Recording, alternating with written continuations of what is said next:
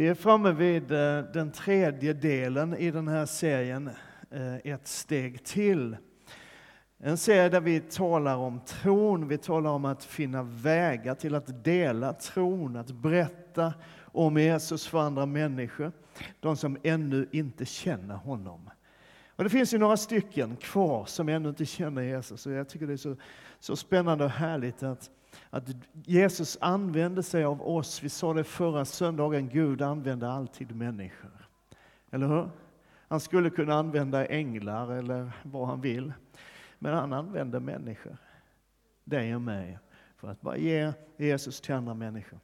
Jag skulle vilja börja idag där vi slutade förra söndagen. Ni som var med kommer möjligen ihåg det och ni andra kommer att, att hänga med. Vi stannade till bara på slutet av förra söndagens predikan i en berättelse från evangelierna om en kvinna som hade varit sjuk med blödningar i tolv år. Hon hade testat alla behandlingar som var tillgängliga. Hon hade träffat många läkare. Och Bibeln berättar att hon faktiskt hade lagt allt vad hon ägde på olika sorters behandlingar för sin sjukdom. Men ingenting hade hjälpt. Hon hade bara blivit sämre och sämre och sämre. Och i någonting som ser ut som ett sista desperat försök, det sista halmstrået liksom, så sträcker hon sig ut och rör vid Jesu kläder mitt i en stor folkmassa, för då tänkte hon att då skulle jag kanske kunna bli botad. Och så blir hon botad och Jesus säger till henne att nu är du frälst också, så det blev hon det med, liksom på köpet där. Och vi ställde frågan i söndags, vad var det som fick henne att söka sig till Jesus? Att faktiskt tränga sig igenom den där folkmassan där hon egentligen inte ens fick lov att vara, därför att hennes sjukdom gjorde att hon ansågs som oren. Hon skulle liksom hålla sig isolerad, pandemi isolerad på alldeles egen hand. Men hon var ändå där. Och vi sa att den här berättelsen finns i tre av evangelierna och är ungefär likadan i alla tre evangelierna. Men Markus, jag är så tacksam för Markus just i det här fallet, han ger oss svaret på varför kvinnan gjorde som hon gjorde. Och det står så här, hon hade hört talas om Jesus. Och nu kom hon bakifrån i folkmassan och rörde vid hans mantel. Det var någon som hade berättat för henne om Jesus. Och vi vet inte vem det var eller när det skedde, om det var samma dag på morgonen eller om det var för något år sedan. Vi vet inte det och vi vet inte ens vilken respons som kvinnan först gav på det där vittnesbördet. Hon kanske bara ryckte på axlarna, vi vet inte det. Men vi vet att någon eller några vid något tillfälle hade berättat för henne om Jesus. Och den här dagen så gav det vittnesbördet resultat. Amen. Inför den här söndagen så, så bad jag er att mejla mig. Det är inte så att jag behöver fler mejl om dagen, jag får rätt många ändå. Men jag gjorde det Eh, och några av er har gjort det och jag har inte tackat på något annat sätt. Jag har inte ens talat om för er att jag har fått ett mejl, men jag gör det nu. Jag har fått ett mejl och ett jättestort tack till er som tog er tid under den veckan som gick eh, och mejlade det här som jag bad om. En del var ute i väldigt sista stunden, en del trodde nog, de som skickade sent igår kväll, jag är nog sist, men det kom något här på morgonen idag också. Det var ju två frågor, ungefär så här.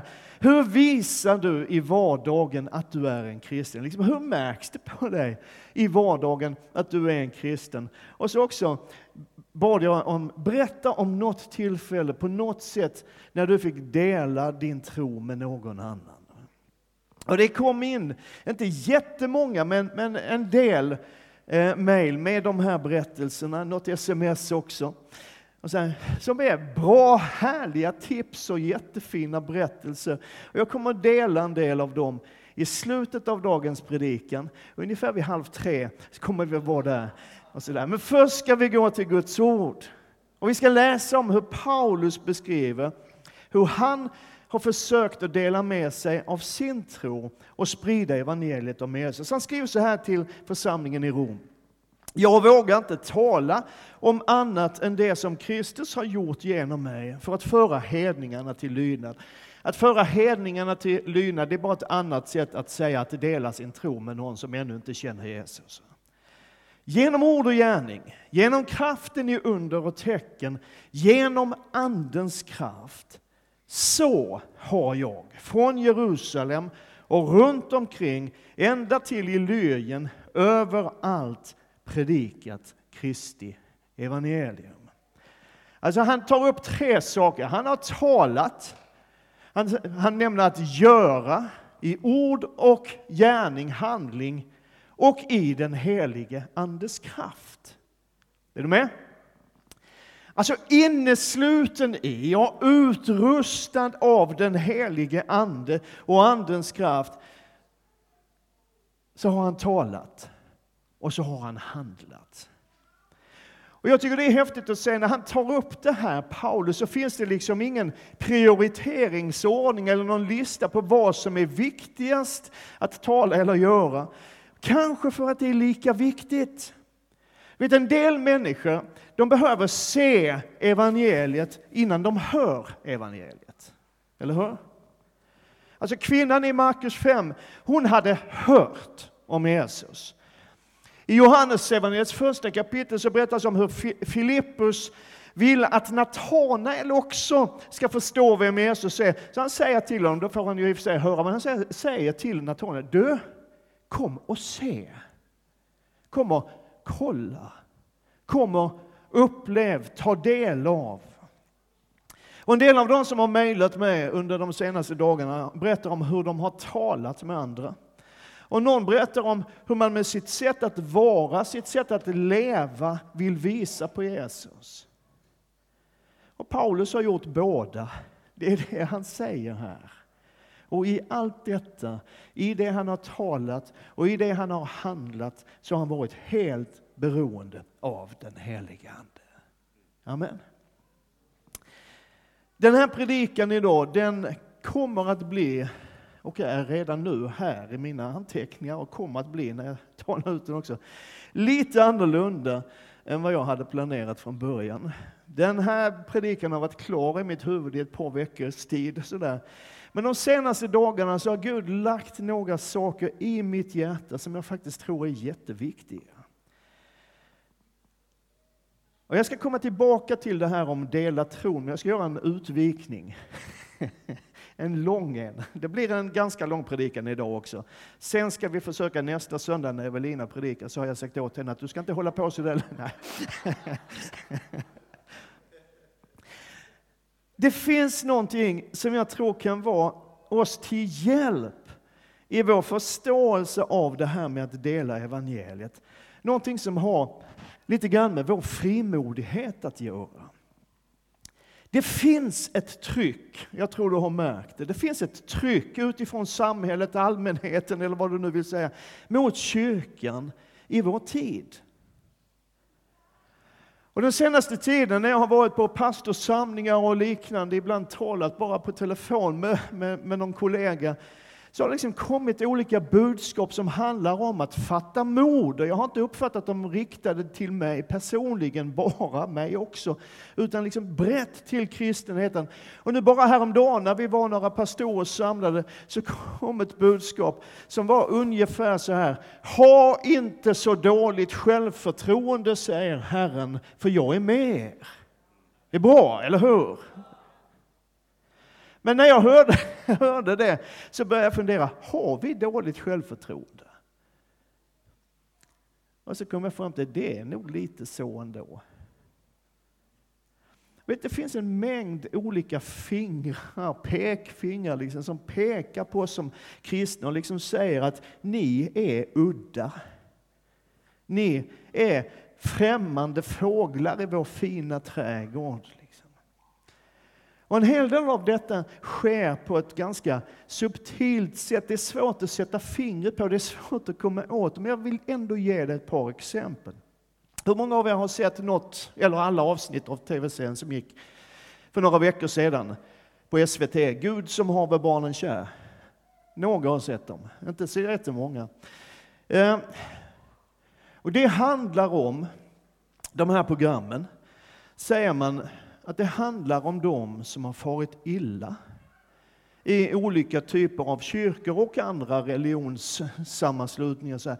De här programmen har berört mig på flera olika plan. Berättelserna om de som har farit illa, de som har blivit illa behandlade i den kyrka där de har vuxit upp. Det är, det är, liksom, det är ju djupt tragiskt. Och det finns saker, tror jag, inom kristenheten att jobba med och bearbeta och kanske en och annan människa att be om förlåtelse. Och vi behöver ta de här berättelserna på allvar, jag vill säga det.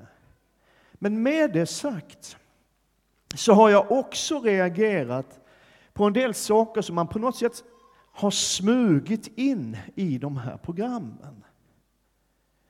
I inledningen till varje program så har man sagt ungefär att det här programmet handlar om de barn som har farit illa av den tro som föräldrarna har valt åt dem. Är du med? De som har farit illa av den tro som föräldrarna har valt åt dem. Och ett par gånger i den här serien så, så hänvisar man till barnkonventionen och de trycker på och poängterar att barnkonventionen numera är lag i Sverige. Men man har tolkat om det som barnkonventionen faktiskt säger om rätten till religionsfrihet, där man skriver i barnkonventionen att barnen har rätt att utöva sin religion. Har man liksom skruvat lite grann på så att det mer betyder rätten till frihet från religion. Är du med? Och den tanken kommer igen på ganska många områden i den tillvaro och i den tid som vi lever i. Man vill på något sätt förmedla bilden av att inte tro, det är det normala. Det är normen. Att inte tro är det neutrala. Är du med mig? Man kan se samma, samma tanke i debatten utan att ta ställning för eller emot en eller det andra. Men man kan se samma tanke i debatten om skolan och friskolan. Alltså skolan ska vara neutral, säger man. Och då menar man exakt det här att det neutrala är frihet från religion. Och det man glömmer det är det här. Att inte tro är också en livsåskådning. Att inte tro är också en tro. Och om man säger att barn som växer upp i ett religiöst hem berövas möjligheten att välja själv så vill jag säga att barn som växer upp i ett hem där man inte tror också berövas möjligheten att välja själv. Och låt mig få ge, ge dig lite fakta, lite statistik. Jag gillar, jag gillar inte matte, men jag gillar siffror och statistik. Är det okej? Okay? Men frågan, är det verkligen så att normen är att inte ha en tro. Att det normala i vår värld och i vår tid är att inte tro. Det finns 7,9 miljarder människor på jorden. Det är fler än vad vi är här idag. Av dessa 7,9 miljarder människor så är 2,4 miljarder människor kristna. Det är 31 procent. 1,9 miljarder bekänner sig till islam, det är 25 procent. Och hinduerna är ungefär 1,1 miljarder, det är 15 procent. Och antal buddhister uppgår till runt en halv miljard. Så bara de fyra största världsreligionerna uppgår till 5,9 miljarder människor, 75 procent av världens befolkning. Sen finns det ju en massa mindre religioner också, som vi inte har tid att redovisa här, men som vi kommer att ta ett seminarium efter... Nej, det ska jag Och då är ju frågan, hur många är då ateister i världen? Ja, det är rätt många det också. Det är 1,2 miljarder. 15,6 procent. Men då är begreppet ateism väldigt, väldigt, väldigt brett och inkluderar betydligt mer än liksom riktiga rå ateister, om du förstår vad jag menar. Jag ska komma tillbaka till det, men här är grejen. Att totalt sett så är alltså 84,4 procent av världens befolkning bland de som uppger att de har en religiös övertygelse, en tro som är kopplad till en religion. 84,4 procent av världens befolkning.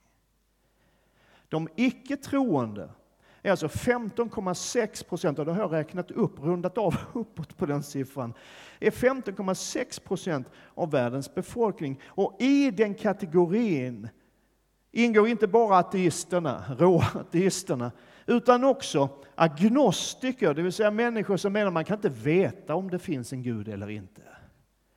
Och en rätt stor grupp som kallar sig för icke-religiösa, vad det nu är exakt. Men hälften av den rätt stora gruppen som kallar sig icke-religiösa säger att man tror på en Gud men tillhör inte en religion. Mer än 85 procent av världens befolkning uppger att de har någon sorts tro på någon högre makt. Det är normen. Det är det normala. Ja, men det är inte så i Sverige. Nej, men Sverige är inte normen för vad som gäller i världen. Och vet, ibland så tror jag att vi bygger på den där känslan av att vara udda och annorlunda alldeles själva. Och det finns ju där. Vi ska erkänna det, både i vår bibel och i våra sånger. Texten om att vi är gäster och främlingar i den här världen. Enar Ekberg sjöng, som vi som är lite äldre än er som är lite yngre minns. Va? Jag är en främling, jag är en pilgrim. Och Paulus skriver, vi har vårt medborgarskap i himlen. Och det är ju sant. Men vet du, när vi tar de uttrycken och de sanningarna ur sitt sammanhang och ur sin kontext så blir det ganska konstigt och fel. För jag ger ett modernare exempel bara för det. Och jag älskar den här lovsången, jag vill säga det. Men vi sjunger ibland så här att världen har inget som jag söker, bara Jesus jag behöver. Är det sant? Titta inte på mig så där, då får jag fördömelse. är det sant? Alltså om man ser till det som brukar räknas till de mänskliga behoven, liksom Maslows behovstrapp, och så här. Man pratar om fysiska behov, behovet av trygghet, behovet av gemenskap, behovet av att ha någon sorts kontroll över sin egen tillvaro, behovet av att känna sig uppskattad och älskad och få möjlighet att utveckla sina gåvor och sin potential och vara den man är ämnad att bli. Jag vet ju inte hur det är med dig. Men jag vill ha allt det där. Och nu är det tyst i ena kyrkan. Varför tar du upp det här? Jo, jag tar upp det för att visa dig och mig någonting. Vi är gäster och främlingar. Det säger ju Guds ord, det måste vi förhålla oss till. Så är det. Och ja, vårt egentliga medborgarskap är i himlen. Och ja, det finns saker som är annorlunda med den som tror jämfört med den som inte har lärt känna Jesus.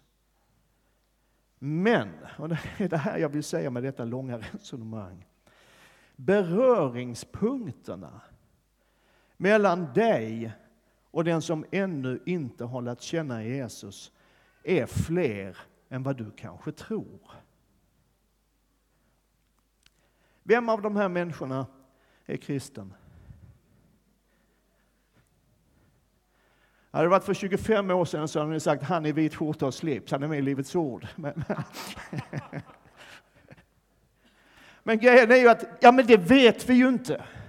Och det är det som är själva poängen här. Det syns ju inte så värst mycket på ytan vem som är kristen eller inte kristen, eller hur? Vi kör samma bilar, vi jobbar på samma arbetsplatser, vi går i samma skolor, äter ungefär samma mat och kollar samma serier på Netflix. Jag åker till samma, om du nu är så dum, all inclusive hotell på semestern. Vi dricker samma kaffe. Jag skulle kunna hålla på hel eftermiddag och bara räkna upp allt vad vi gör, vi som kallar oss för kristna, som är exakt samma sak som de som är utanför här idag och som inte kallar sig kristna gör. Är du med mig? Poängen i detta är att de gemensamma ytorna är större och fler än de som inte är gemensamma. Låt oss gå lite grann djupare i det här. Du och din granne som ännu inte känner Jesus brottas med ungefär samma saker.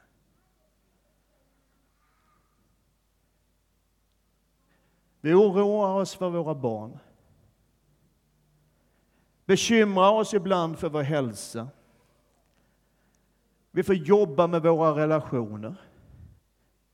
Ibland så är ekonomin lite svajig. En del av oss har någon gång upplevt att bli arbetslösa med allt vad det innebär. Och vi har upplevt isoleringen under pandemin och hoppas allihop att det aldrig mer ska behöva hända. Och vi är oroliga för kriget och funderar över vad som händer med räntorna. Alltså det stora och kanske det enda, jag skulle tro att det är det enda faktiskt, den stora och enda skillnaden är att du och jag som tror på Jesus, precis som vi hörde i inledningen av gudstjänsten, vet var vi ska gå med vår oro. Det är det som är skillnaden. Det är samma oro, det är samma bekymmer, det är samma glädjeämne, det är samma tv-serier, det är samma allting. Men du och jag vet var vi ska gå med vår oro och vår längtan och vår tomhet. Och där kan vi möta de människor som ännu inte känner Jesus Kristus. De gemensamma ytorna är större och fler än de som inte är gemensamma. Och en grej till för att uppmuntra dig ännu mer, för jag tror du blir lite uppmuntrad av det här utifrån statistiken jag visade, de flesta människor som du möter har någon sorts tro på någon sorts Gud. Och Paulus skriver så här. Be för oss, be att Gud öppnar en dörr för ordet så att vi kan predika Kristi hemlighet. Be att Gud öppnar dörrar för ordet. Och vet du, jag tror att alla de där gemensamma ytorna, beröringspunkterna, är sådana dörrar. Amen.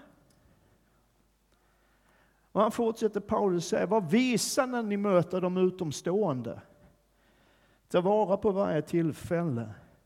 Ert tal ska alltid vara vänligt, kryddat med salt, så att ni vet hur ni ska svara var och en. Vad är det Paulus säger? Han säger för det första, var lite smart. Det är det det står där. Var visa. Det betyder, var smart. Ibland är det street smart, ibland är det någon annan sorts smart, men var lite smart. Och sen var beredd. Eller hur? Och sen var lite trevlig. Någon som är snygg och luktar gott och som är trevlig. Det är bra, eller hur? Var lite trevlig. Och så säger han, ha lite substans och flavor i det du säger. Det är vad han säger. Och den här sista raden, för jag ser på er, en del koncentrerar sig på den och tycker det där är ju sjukt svårt. Liksom. Så att ni vet hur ni ska svara var och en. Grejen är att Paulus inte skriver att du ska veta hur du ska svara alla människor, utan han säger att, att ni tillsammans ska kunna ge människor svar. Du behöver inte känna liksom att jag kan inte berätta för någon om Jesus, för jag har inte alla svar. Nej, men det finns någon annan som kan hjälpa dig. Så att ni vet hur ni ska svara var och en. Du behöver inte ha svaret på alla frågor. Vi tillsammans, ledda av den helige Ande, kan ge människor de svar de behöver. Så hur möter vi de människor? Det var det vi skulle tala om idag. Jag ville bara ge dig lite självförtroende i det här. Vi som tror på Gud är fler än de som inte gör det. Amen. Hur möter vi människor? Hur märks det i vardagen att vi är kristna? Och hur förmedlar vi tron till de som ännu inte känner Jesus? Det har varit fascinerande att läsa de mejl och sms som har kommit in. Det har varit superbra. vet du att det är ingen som har skrivit till mig om liksom någonting som är jättesvårt. Någonting som man känner att ska jag kunna göra det som han eller hon gör, då, då får jag liksom, ja, det går nog inte. Utan det är väldigt enkla saker. Någon skriver om sitt halsband med korset som ett statement. Så här skriver den personen.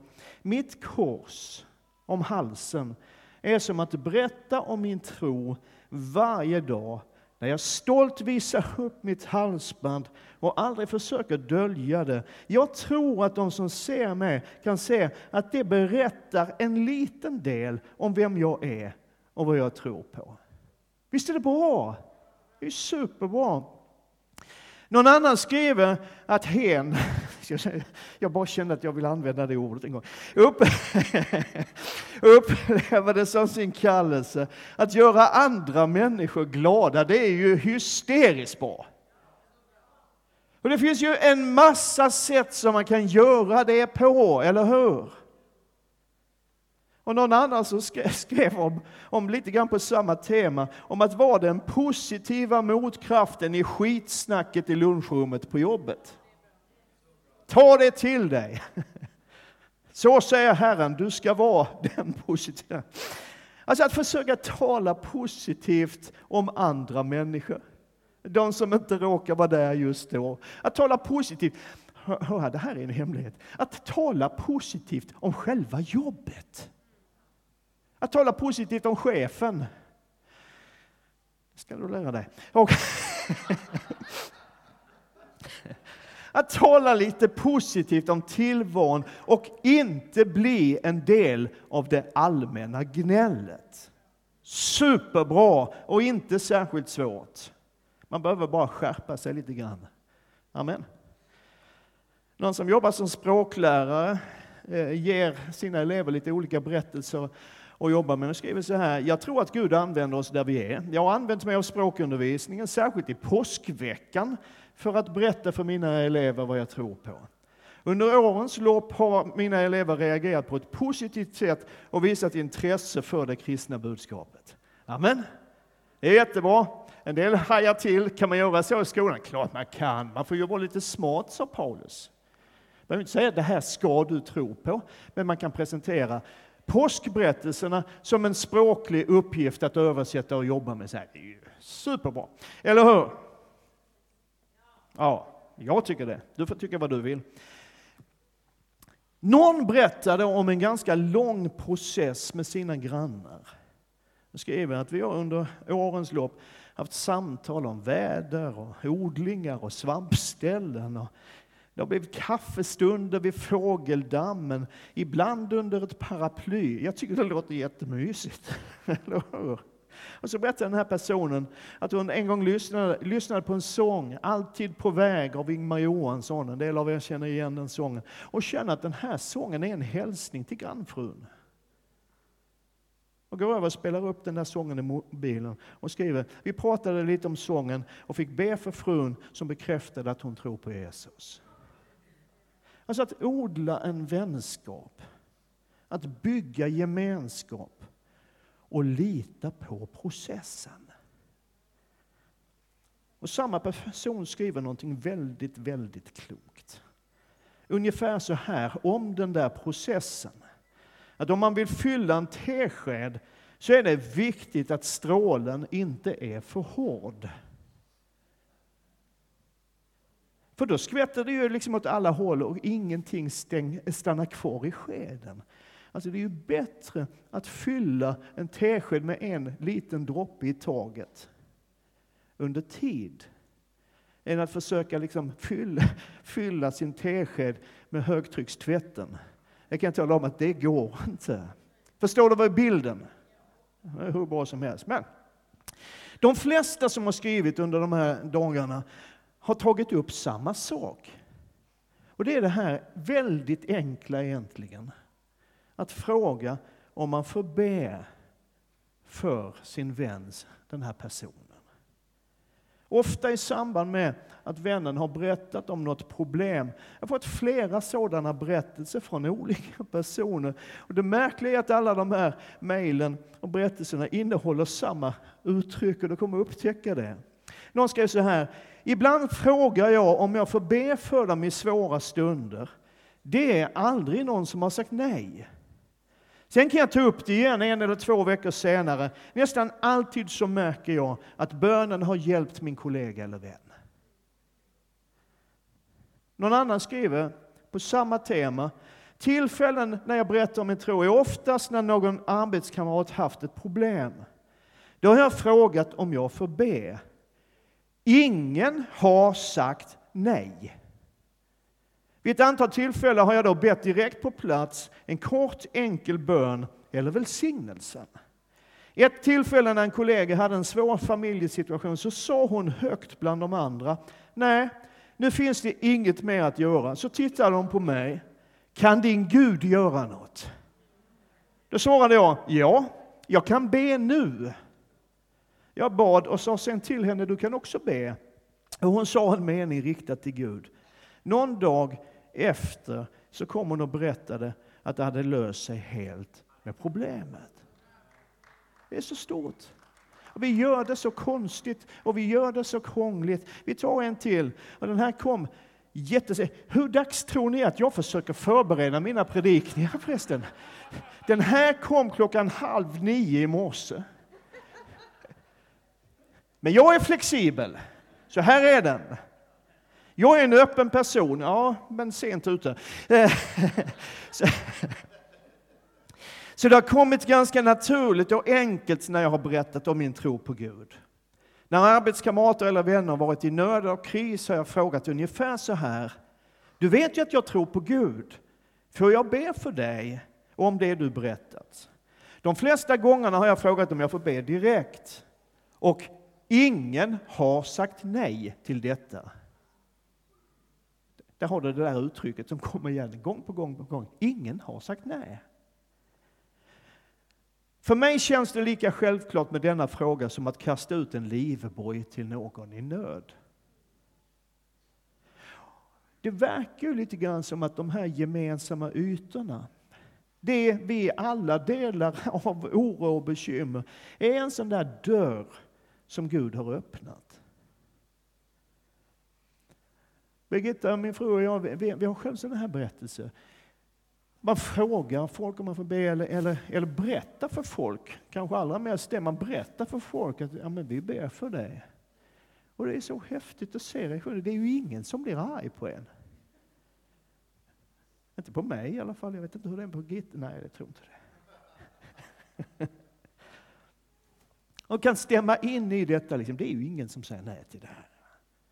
Alltså odla vänskap och gemenskap. Evelina har inte mejlat, jag vill tala om det för er också, att hon inte har det. Men, men hon har berättat flera stories när vi har suttit och pratat här i, i veckan. Och, så eh, och de ska jag inte ta, för jag antar att du tänkte spara dem till din predikan på söndag. Då ska jag ta dem här. så det kommer mer sånt här tror jag. Men alltså, odla vänskap, odla gemenskap, bygg förtroende. Någon skrev, ännu senare idag på morgonen, fast i ett sms. Jag visar min tro bäst genom att vara mig själv och genom att visa respekt och kärlek. Det är ju hur bra som helst. Eller hur? Vi behöver inte krångla till det.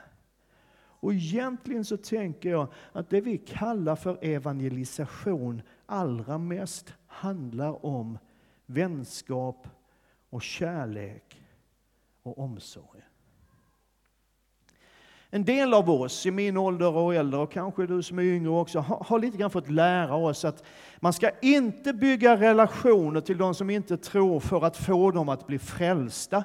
Man får liksom inte ha se folk som frälsningsobjekt eller, eller liksom ha en baktanke med sin relation med andra människor. Det är fel att ha sådana baktankar. Men Evelina sa något jätteklokt häromdagen och det snor jag nu, så det kan du inte använda nästa söndag. Eller också får du säga det igen då. När vi pratade om den här predikoscenen och var inne på det så säger hon så här, att be för sina vänner är ingen baktanke, det är omtanke. Det är ju bland det bästa du har sagt. Amen. Det är som om de allra flesta människor är beredda att göra som den här kvinnan i Markus 5. Det sista halmstrået. Att om någon vill be så tar jag ju den chansen. Hon visste inte vad som skulle hända. Även om evangelierna visar att hon verkar ganska säker på att hon skulle få hjälp, så visste hon ju inte. Precis som när din vän, din skolkompis, eller din arbetskamrat, eller din släkting, din, din vän, liksom säger det är klart att du får be för mig. Så är det ju liksom. De är ju inte säkra på att någonting ska hända. Men man tar den chansen. Och så kanske det blir en lång process. Och jag tror vi behöver släppa den här bilden av att vi i samma ögonblick som du har berättat färdigt om Jesus ska folk falla på knä och vilja bli frälsta. Trust the process. Lita på att ett frö som man lägger i jorden och ger lite vatten och lite näring kommer att gro kommer att bära frukt.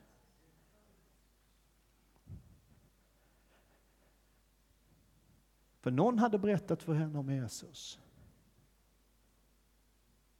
Någon hade sagt någonting om Jesus till den där kvinnan.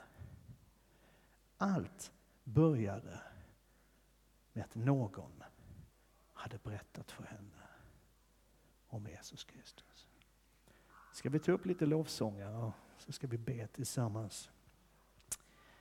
Vi ska alldeles strax fira nattvard tillsammans. Under, förlåt, under lovsången så, så kommer vi som ska vara med och dela ut gåvorna här, vi kommer gå ut och tvätta våra händer. Och så, där, så kommer vi tillbaka och vi firar nattvard tillsammans. Då kommer det att finnas möjlighet att, att få förbön när du har tagit emot brödet och vinet. Så där det kommer att finnas förbön där. Kan också, om du hellre vill det, tända ett ljus där borta. Så, här, så kan man ha liksom olika grejer. Det blir jättenervös om man har olika saker. Men vet, allt tillhör oss. Man kan skriva sina bönämnen där borta. Har vi fler exempel? Man kan jula sin bön. Nej. Du kan göra det du känner. Uttrycka din bön som du vill. Allt tillhör oss. Amen. Nu ber vi. Jesus, jag bara tackar dig för att du, du vill inspirera oss. Du vill ge oss mod. Du vill få oss att, att liksom lägga jante bakom oss och kliva in i den härlighet som du har gett till oss. Hjälp oss i vår relation till andra människor, de som ännu inte känner dig. Att våga säga till dem att jag ber för dig. Eller fråga dem, får jag be för dig?